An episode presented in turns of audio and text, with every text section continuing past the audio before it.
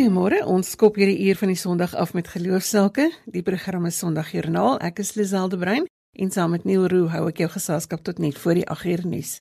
My gaste vanoggend is professor Bernard Kombrink, die koördineerder van die Bybelvertalingsprojek. Ons gesels oor sy loopbaan en ook oor die nuwe Bybel wat vandag bekend gestel word.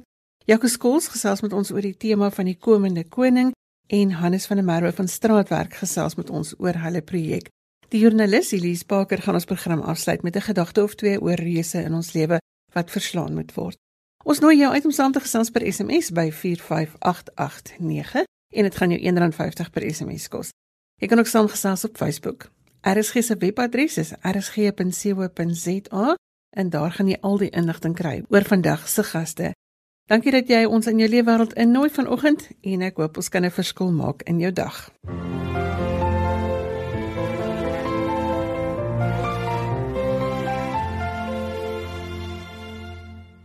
Die nuwe vertaling van die Bybel word later vanmiddag in Bloemfontein bekend gestel en hier by my in die ateljee is professor Bernard Kombrink die koördineerder van hierdie vertalingsprojek. Goeiemôre professor. Môre Lisel, dankie vir die geleentheid om hier te wees. Professor, jy het onlangs jou 80ste verjaarsdag gevier, 'n besondere mylpaal. Deel 'n bietjie met ons van jou loopbaan as predikant. Jo, baie dankie Lisel. Ek is in 1968 gelegitimeer nadat ek nou vir verdere studie in Nederland was.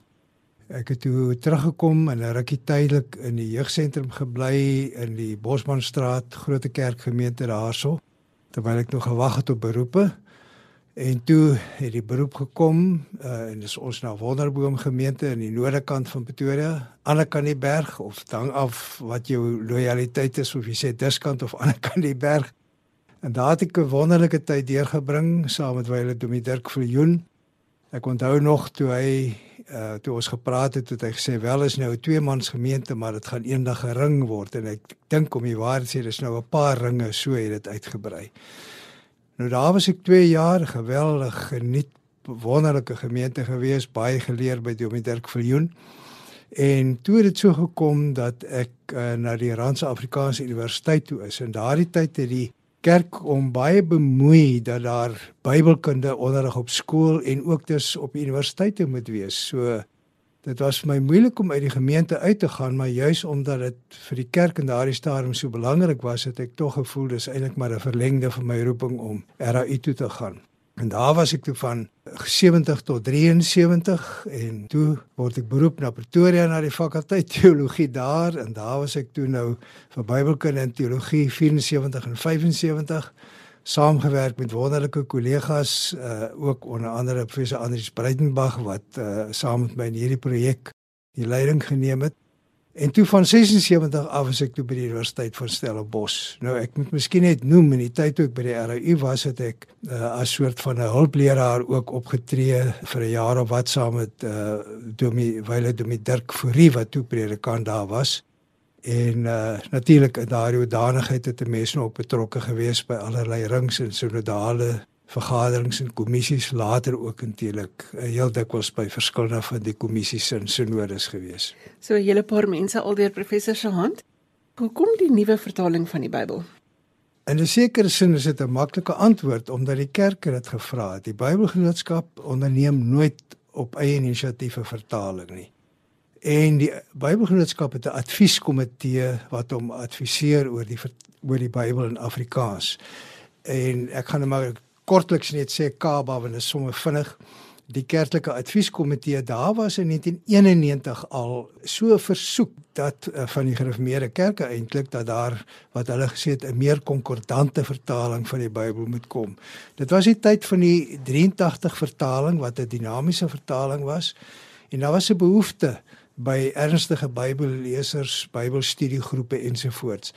Maar by die advieskomitee was nie baie entoesiasme nie. Dit het die hele geskiedenis gelei in 1996 is daar 'n simposium gehou ook onder andere met die behoefte wat toe uitgespreek is vir 'n Bybelvertaling vir die dowes daar wat toe begin het in 97 wat uiteindelik die besinning by Kaba toe gelei tot 'n internasionale simposium wat deur die Bybelgenootskap toe gereël is vir 2001. Daaruit het toe voortgevloei navorsing by vier verskillende universiteite uh Pretoria, Potchefstroom, uh Bloemfontein en Stellenbosch aanvanklik met die opdrag om te kyk na vier moontlike tipes van vertaling.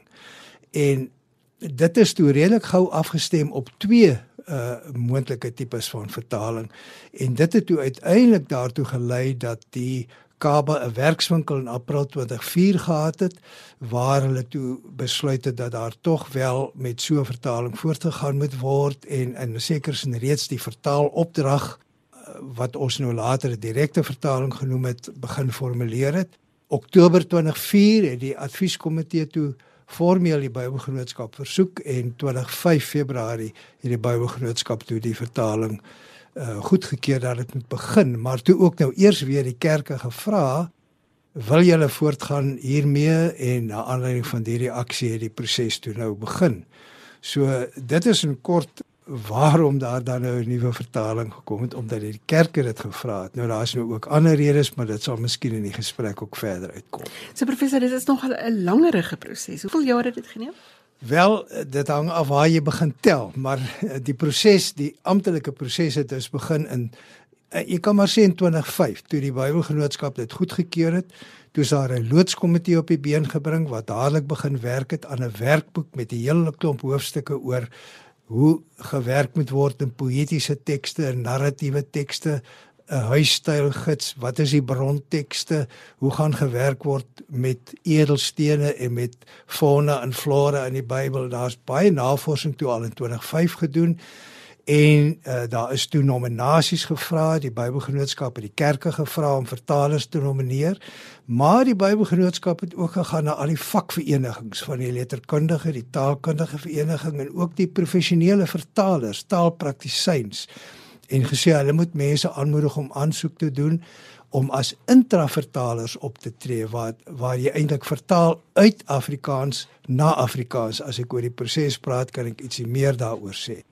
So die proses het eintlik begin in 2005 en formele opleidingsseminare was in 2006 en 2007 en so het dit nou maar aangegaan hier in 2010 het die redaksionele komitees begin werk en hulle het gefunksioneer tot in 2019 waar die laaste vergadering van die redaksionele komitee 1 Mei was van die Ou Testament.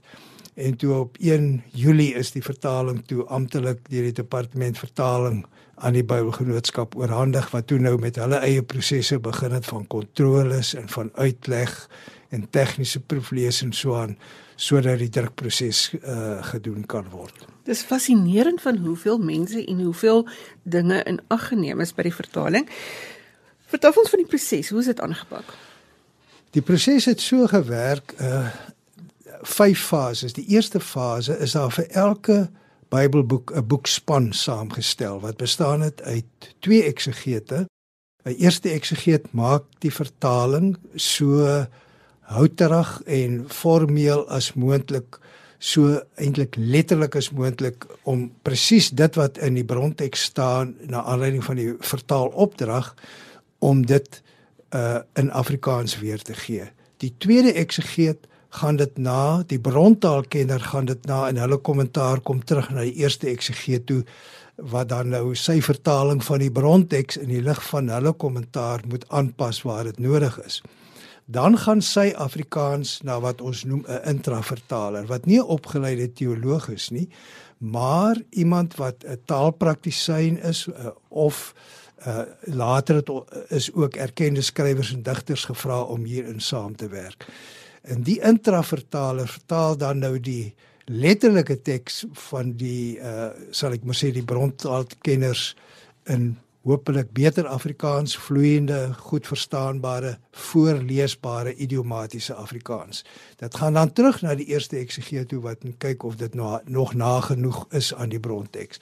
In fase 2 gaan hierdie Afrikaanse teks nou na ander Afrikaanse taalkundige en letterkundige wat weer hulle eiertjies moet lê en dit gaan terug na die eksegeet toe na die vertaalspan. En wanneer dit afgehandel is, kom dit by die redaksionele komitee. Nou, daar was 3 vir die Ou Testament, die Nuwe Testament en die Deuterokanoniese boeke of die apokriewe boeke soos uh, dit ook bekend is. By daardie redaksionele komitee se sit daar dan nou weer twee eksegete, weer 'n brontaalkenner, twee letterkundiges, 'n Afrikaanse taalkundige en 'n vertaalkundige en die projekleier. En daar word die teks nou weer voor die tyd gesirkuleer van 'n kant af deurgetrap en daar word dit dan nou geredigeer. Dan in fase 3 gaan daardie teks nou na die kerklike lesers toe wat benoem is deur die kerke van wat lid is van die advieskomitee. Nou daar was uh, 24 kerke wat lid was van die advieskomitee teen die einde wat almal op 'n manier betrokke was. En ek wil dit beklemtoon, daardie lesers en ook lesers wat die teks op die webblad waar dit geplaas is gelees het en kommentaar gestuur het, was in 'n sekere sin ook deel van die vertaalproses. Want as hulle kommentaar ontvang word, dan het die redaksionele komitees dit weer oorweeg en waar dan ter sake die vertaling aangepas. In fase 4 is daar gelet op die konsekwentheid. Is die briefinleidings, die briefslot, is die digtelike gedeelte, is die is die gedeelte wat dieselfde moet wees of frases waar die konteks dit vereis, is dit op dieselfde manier konsekwent dwarsteer vertaal. Is voetnote presies op dieselfde manier hanteer, kruisverwysings ensovoorts. So dit is nogal 'n bietjie 'n werkie gewees. En dan in fase 5 moet die begeleidingskomitee wat eintlik die beleidskomitee is, moet uh dan die vertaling afteken, bevestig dat hulle deurentyd op hoogte was, ingelig is en die vertaling dan eintlik afteken sodat dit aan die Bybelgenootskap oorhandig kan word. Dit klink vir my na allemintige proses wat oor al hierdie jare afgehandel is. Professor om saam te vat, hoe moet ons met die Bybel omgaan? Wel, die Bybel is die woord van God en dit is vir ons gegee om ons te rig en om ons te lei om ons eintlik toe te rus vir die lewe. En daarom is dit wat die vertaalspan probeer het om die lesers te bemagtig uh vertaling is in sekere sin 'n gevaarlike proses want daar's 'n ou laat Italiaanse spreek wat sê 'n vertaler is eintlik 'n verraaier. 'n Mens kan die teks verraai. Daarom is daar soveel ongelooflike kontroles in die teks ingebring. Daarom is dit mense uit verskillende denominasies en vakdissiplines wat saamgewerk het. Maar met al hierdie kontroles is daar tog nog steeds dinge waaroor 'n mens soms onseker is en daarom is daar voetnote wat sê Daar bestaan onsekerheid oor die betekenis van die bronteks. Daar is voetnote wat mense verwys na die sosio-kulturele wêreld van die Bybelse teks want die vertaalopdrag het gesê dit moet bronteks georiënteerd wees. Met ander woorde ons probeer die leser terugneem na die tyd van die Bybel en ook mate en gewigte en geldeenhede en so aan word nie word nie aangepas by die moderne wêreld nie.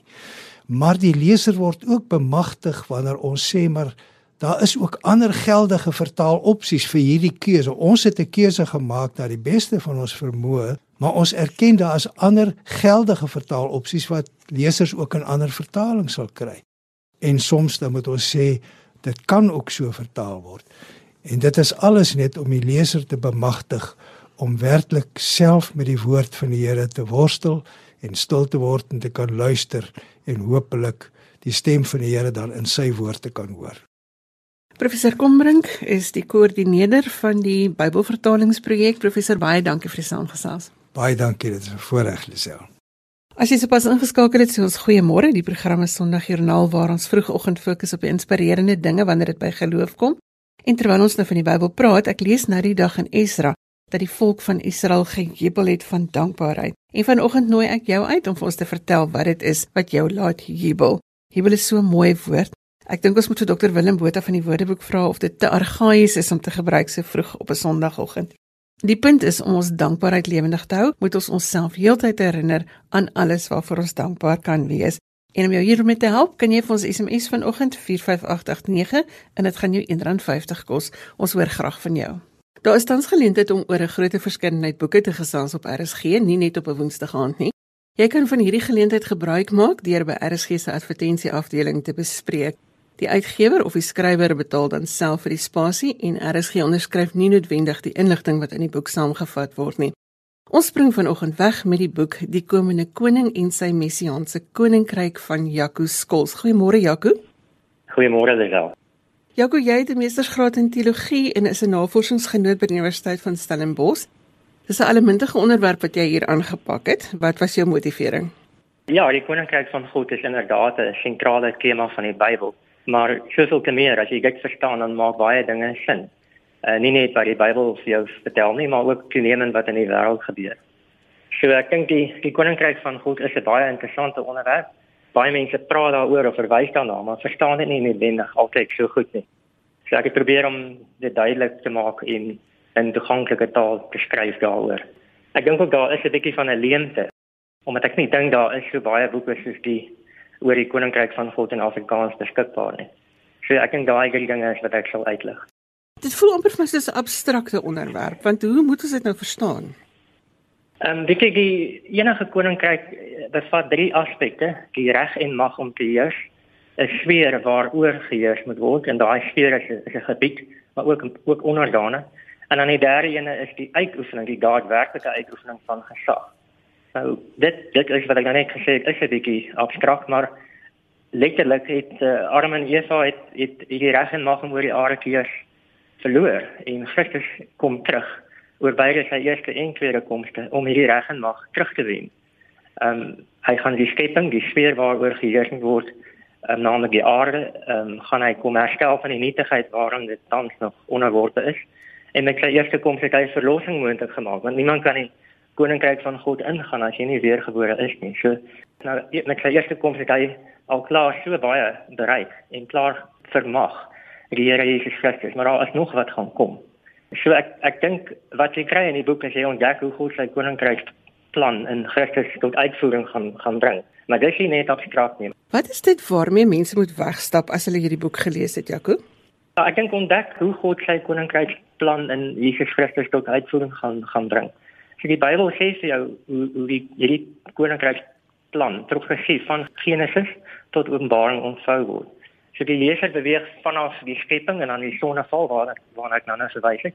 En dan ook reeks reeks toe al die eerste messiaanse belofte en daai belofte verwys eintlik na twee dinge.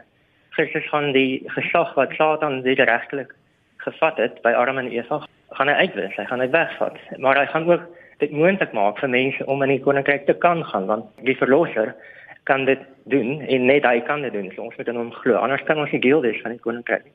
En in geval as jy lees gaan vanaf daai eerste belofte messiaanse belofte dan dan beweeg jy hier hoe die Here die koninkryk in Israel opgerig het die teokratiese koninkryk. Maar dit val dan nou weer by by Babylon um, met die Babyloniese inval. En dan vroeër die profete al reeds verwys na die beloftes van herstel van die teokratiese Davidiese koninkryk. Deur die seun van Dawid, die seun van Dawid met hoofletters. Ehm um, so daar's tye van die nasies, maar daar's natuurlik ook baie nog wat die Here gaan kom doen. Nie net wat hy gedoen het reeds met sy eerste koms nie, maar ook wat nog voorlê. Ek dink ook 'n belangrike ding om waarmee mense moet wegstap as hulle die boek gelees het, is dit is 'n boek van hoop. Dit plaas ons almal se fokus net weer eens op die komende koning. Hy is ons hoop in die goeie tye, maar ook in hierdie wat ek nou dink is baie ongewone en moeilike omstandighede. En natuurlik dan as jy nou al hierdie dinge weer dan is daar natuurlik ook praktiese implikasies vir die gelowiges maar ook vir die kerk. So dink jy daardie praktiese implikasies help dit ons om die koninkryk van God beter te verstaan? Ek dink jy sal die koninkryk definitief beter verstaan. En wat die praktiese implikasies betref, hoekom sal nou belangstel in so iets as jy nou die virus sê is geweld is al meer werklikheid. Maar maar die Here sê vir goeie en getroue diensknegte wat oor weinig getrou was, hy gaan hulle oor veel aanstel in Matteus 25. So wat jy nou as 'n gelowige vir die Here doen met jou talente, jou gawes en jou tyd, dit alles maak baie saak. Nou ja, kry jou motivering reg, dis om die Here te verheerlik uit liefde vir hom. Maar dat dit 'n groot eer gaan wees om in hierdie koninkryk gesag en mag te kan ontvang om onder hom maar ook saam met Christus te, te mag regeer. Dis dit is ek waar waarop gelowiges dan in elk geval baie op kan fokus. So ek glo dit maak dit alles duidelik maar ook gee ook 'n bietjie meer motivering om die regte motivering om die Here te dien met alles wat jy het. Dit is nie net dat Jesus 'n baba in 'n krib is nie. Hy is dit nie meer nie.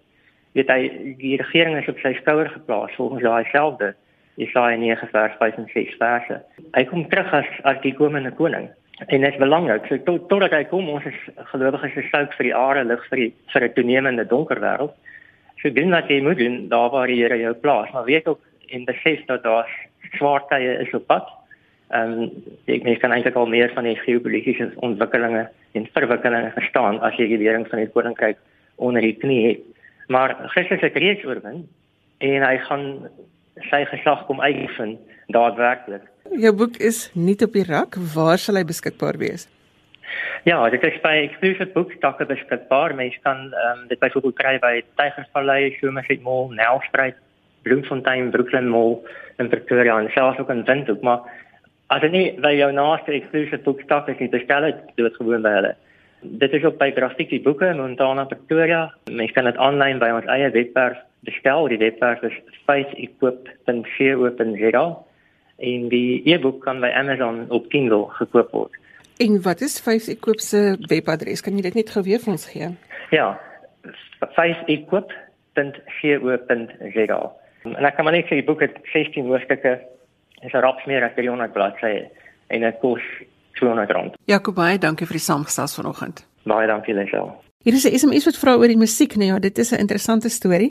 Tydens die Grendelstad het Matt in Savannah van Amerika vir die klavier gaan sit om hulle gemeenskap op te kikker soos so baie ander dit ook gedoen het en dit was 'n baie groot sukses.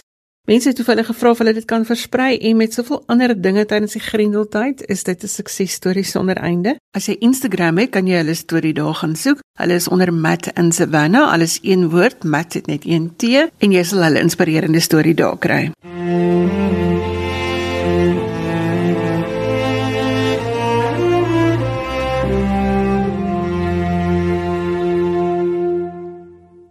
Kaapstad is daar 'n Jesus Save projek wat deur Hannes van der Merwe op die bene gebring is en ons hoor vanoggend hoe en waar hulle 'n verskil maak. Goeiemôre Hannes. Môre. Vertel vir ons hoe die projek ontstaan. Die projek is 'n basiese uitreik van die kerk en straatwerk is die organisasie wat dit bestuur en en is 'n uitreik na haweloses. Straatwerk natuurlik ander uitreike ook, maar hierdie is een waarvan ons praat. En ons het oorspronklik eintlik maar net so 'n soort van 'n uh, ons het dit die koffiekamer genoem waar ons nou mense ontvang het en beraad het uh so op 'n persoonlike vlak. Ehm uh, maar ons het gevind dat dit spreek nie alles aan nie en ons het gevind ons moet iets meer doen om haweloses uh op 'n nuwe baan te kry op om in die sweet van aangesig hulle brood te kan verdien maar dan ook om iewers in 'n geloofsgemeenskap tuis te kom en ons het modelle gesoek en deur die jare het ons dit ontwikkel tot wat uh, ons vandag eintlik opbel projekte noem en dit word uh, populêr die Jesus Safe projek genoem want ons is geborg om die die baadjies wat die ouens dra daarop staan Jesus Safe. So uh, ons het jare lank gebid uh, om 'n weg te vind en so geleidelik deur die Here vir ons uh gelei om um, om hierdie opbelprojekte te bedryf waardeur ouens 'n kans kry om sy betroubaarheid te bewys voordat hy eintlik reg is vir werk. En wat is dit presies wat julle doen? Vertel ons hoe werk die projek? In beginsel beteken ons noem dit um, ek moet maar die Engelse terme gebruik as julle my sal verskoon want dit is maar in die uh, ons algemene gebruiktaal omdat daar mense van reg oor Afrika deelneem. Dis maar Engels. So ons noem dit job and life habilitation for as yet unemployable or otherwise desperate people. En dit dit behels dat ons vir hulle 'n kans gee om skofte te doen om enige ongeskoolde hande arbeid te doen, maar waardeur hulle hulle betroubaarheid kan bewys want hulle moet 'n uh, geleentheid boek die dag vooraf en dan betyds opdaag en as die ou nie opdaag nie is daar genoeg ander om sy plek te neem so ons kan die die aktiwiteit uh volhou en so leer die ouens dan homself te bewys sodat ons vir hom eintlik um, um, kan gradueer en sê jy is nou in diens neembaar en jy is betroubaar. En dan net dan dan langs aan sê ons roep ouens op om te sê wel neem daaraan deel en besluit om 'n disipel van Jesus te word en dan uh, sluit jy by 'n disipelgroep aan wat addisioneel bedryf word vir die wat op daai manier reageer en dit is eintlik ons uitreik strategie. En hoe het die Grendelstaat julle beïnvloed Hannes? Wat het julle tydens die COVID tyd gedoen? Ons was onmiddellik um, redelik erg getref in die sin dat ons het nou altyd die ouens bymekaar gekry dag vir dag en daar was um, omtrent 150 mense op beslag wat nou vergader om volgende skofte te boek en om gereed te maak vir die skofte vir die dag en ons die grendeltyd kon ons dit nie meer doen dat ons almal bymekaar kry nie en toe moes ons nou vinnig spring om 'n nuwe patroon te ontwikkel waar ons net die die leiers bymekaar kry en hulle dan uitstuur om die ouens op straat te kry en hulle daar te organiseer en en van daar af die skofte te boek en te uit te stuur en terug te ontvang. En dit was 'n enorme uitdaging geweest want ons werk die die groepering van mense is is redelik onstabiel en ongedissiplineerd om dit reg te kry was 'n enorme uitdaging en ons is nou na 7 maande voel ons ons begin nou om die nuwe patroon gevestig te kry. Wat beteken dat die ouens nou ehm um, moet deelneem in 'n span en hy moet bewys dat hy getrou bywoon en die span kry geleentheid om een van hulle mense eh, 'n uh, kans te gee om skof te doen. So die ouens wat nou nie getrou is nie val uit en die ouens wat getrou is kry die beste geleenthede. Ek het altyd geglo dat rommel opruim is die heel beste want enigiemand kan dit doen en is 'n goeie aktiwiteit of 'n gesonde aktiwiteit om te onderneem. Maar maar maar die ouens moet nou op 'n manier kontant verdien deur die proses want dit is die vestiging van die idee om deur eerbare werk kontant te kry al anders is op 'n ander manier maar ons het nie geweet waar ons die geld vandaan gaan kry nie ons het begin te bid en vir die Here te vertrou dat hy ons sal lei en ons hooftema in die gebede was nou vir jare was dit dat die Here vir ons guns sal gee soos hy vir Josef van ouds oral waar hy in sy moeilikhede beland het, het die Here hom tog guns gegee waar hy gegaan het. Ons het daai guns van die Here gevra en dis wat ons gekry het. Uiteindelik het ons van die gemeenskap instansies geweldige ondersteuning gekry wat vir ons die geleenthede geskep het om hierdie dinge te doen.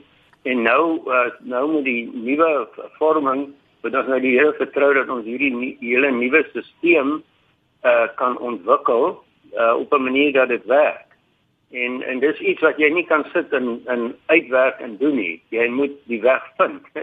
en ons bly maar bid en vertrou dat die Here ons sal lei daarin. Hannes, waarvoor is jy dankbaar in die lewe? Lewe oor die algemeen is ek dankbaar dat daar 'n kans is dat die Here so genadig is om vir mense kans te gee om 'n weg te vind. Maar ek is die Here innig dankbaar dat deur hierdie Here ontwrigting wat ons beleef het deur die COVID-19 het dit 'n hele groot uitsigting gebring dat daar 'n hele nuwe span ontstaan het van ouens wat hierdie ding opneem uh en in in in in saam bestuur en, en ek kan nie genoeg dankbaar wees daarvoor nie. Ons weet dit in Kaapstad gebruik julle die die projek om strate skoon te maak om rommel te verwyder. Kan mense julle vra om te kom help met 'n projek? Ja, ons werk in in Kaapstad sentraal in die omliggende gebiede van Seepunt af deur die stad nou en dan uh, deur Woodstock en dan is ons uh, um, uh, ons het 'n tweede depot in Mowbray waar ons hierdie verbeteringsdistrik daar ook doen en selfs vir Claremont verbeteringsdistrik. So dis sover ons ehm um, aktiwiteite strek. Daar is ander organisasies wat by ons geleer het en dit in Bellville dis die mes organisasie doen dit daarso. So daar is ehm um, ons is nie die enigstes wat dit op daai hierdie manier doen nie. Ehm um, maar as mense vir ons persoon of straatwerk en wanneer um, opbouprojekte in Jesus se wil ondersteun dan ons soek geleenthede om nog skofte te doen want dit is wat ons soek vennote wat wat iets uh, ongeskoelde handearbeid gedoen wil hê en ons kan dit doen deur die projek en dit skep nou die geleenthede vir die mense. So daai areas wat ek genoem het, die areas waar ons vennote in soek om met ons saam te werk. En waar sal hulle julle kan kontak? Ja, die beste is ek sal e-pos adres gee en 'n telefoonnommer wat ons ons met die operasionele kantoor wat al hierdie operasies bestuur om die kantoor daar te kontak en dan kan uh, miskien die beste is om uit te vind en dan kan ons per e-pos of so of telefoonoproepe ehm um, verder verduidelik en uitklous wat gedoen kan word. So die e-pos adres is ophelp ophelp.straatwerk.org.za ophelp.straatwerk.org.za en die telefoonnommer is 021 425 0140 mense kan ons daar kontak en dan sal ons dit verder opneem van daar Ek herhaal geweer daardie e-posadres dis ophelp.admin@straatwerk.org.za of jy kan skakel 0214250140 ek het gesels met Hannes van der Merwe Hannes baie dankie dat jy julle hele pad met ons gedeel het vanoggend Welkom baie dankie Dankbaarheid verander ons perspektief op die lewe, so ons nooi jou uit vanoggend om ons te laat weet waarvoor jy dankbaar is. Stuur ons 'n SMS na 45889 of gaan los ons 'n boodskap op ons Facebookblad. En so daarvan gepraat, kyk net wie verras ons met 'n stemboodskap oor die woord jubel waarvan ons vroeër gepraat het. Goeiemôre Lisel.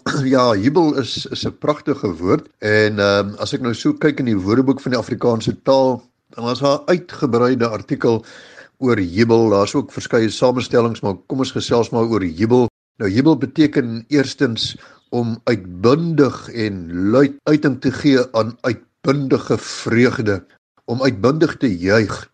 Nou, die Bybel is vol van jubel. Die skare het gejubel, my lippe sal jubel as ek psalms sing tot u eer. Psalm 71. Juig en jubel o inwoners van Sion, Jesaja 12 vers 6. Die regverdige sal jubel en bly wees, Spreuke 29. Ehm um, die jubelende juiging van die Filistyn, dit kom uit 'n gedig van Olga Kirsch. Dit word ook figuurlik gebruik waar jy nie regtig uit uh, met jou stem uh, dit doen nie om jou stem verhef nie. Sy hart en siel juig en jubel van vreugde. Laat die veld juig en al wat daarin is, dan sal al die bome van die bos jubel. Psalm 96. En selfs in iets soos die burger lees 'n mens die volgende: 'n Mens loop tussen 'n jubelende blomme erewag deur. So jubel is is ook nie verouderd nie. Dit word nog steeds gebruik ehm um, wanneer jy wil beskryf hoe iemand op 'n besonderse wyse uiting gee aan sy vreugde. En om te jubel beteken ook om jou 50ste verjaardag te vier. Oom Koos jubel oor 'n week. Met ander woorde dan is hy 50. Uh, hy vier sy jubel en hy konde verleë se skryfwerk die volgende Caledon is vanjaar 150 jaar oud maar Caledon se mense is nog ouer en hulle is die werklike Oeverberg dis hulle nageslag wat vanjaar hulle derde jubel vier met ander woorde 150 jaar. Of dit kan wees 'n persoon wat 50 jaar oud is. Hy is nou 'n jubel. En dit is veral in Caledon en Napier daar in die oeverberg ehm um, word dit gebruik. Jy kry ook 'n jubeldag. Dis 'n dag waarop gejubel word, 'n dag van jubelum. Jy kry 'n jubeldans. Dis 'n dans wat uiting gee aan vreugde, uh uitbundige vreugde en blydskap. Jy kry 'n jubelfees. Jy kry ook 'n jubelfluit. Nou dit is die uh, fluitregister van 8 of 4 voet in orrels. So jubel is 'n pragtige woord. Dit is nie verouderd nie. Daar is nie iets anders om 'n besonderse uiting van vreugde uh, mee te verwoord nie. Dankie Willem, jy laat my sommer van voor af jubel vanoggend.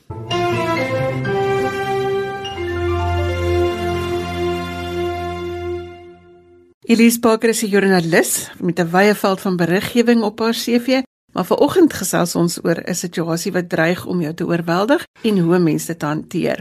Ja, 'n baie groot deel van ons samelewing sit vanoggend in een of ander situasie waar dit lyk of daar nie lig aan die einde van die tonnel is nie. So Elise is hier om ons daarmee te help. Môre Elise.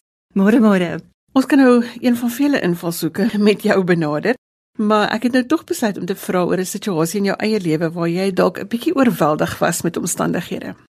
Lisel, ek was op 32 was ek baie baie lus om 'n ma te wees.